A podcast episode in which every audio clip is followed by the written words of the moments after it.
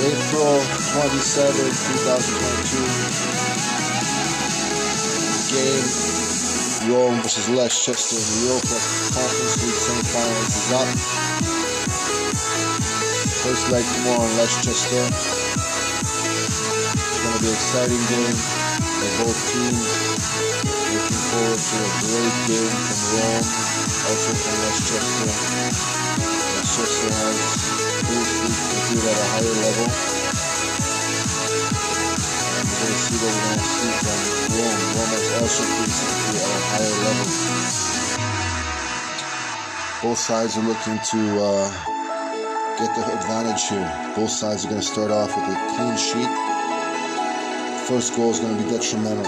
Detrimental. An away goal is going to be detrimental. We don't even call it away goal anymore. It's just like home away.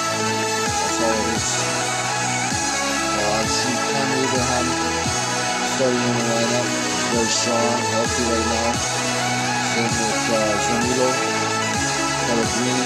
Those guys are going to have to step up their plate. Also Henrik. Henrik is going to have to step up their plate. Score some massive goals.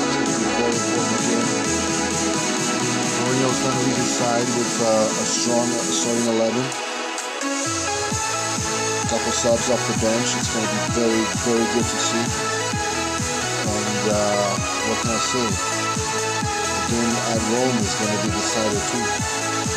So uh, come up with a good defensive approach, with a good attacking approach, good helping midfield, and I think the result will come along. I think Rome, Rome has advantage home or away, even more at home, but I think they have an advantage away. They're playing great soccer right now, winning some good games in the Serie A, and also uh, they didn't come up strong here. They just played two of the top contenders. They're going to have some extra talent in their bite against Leicester.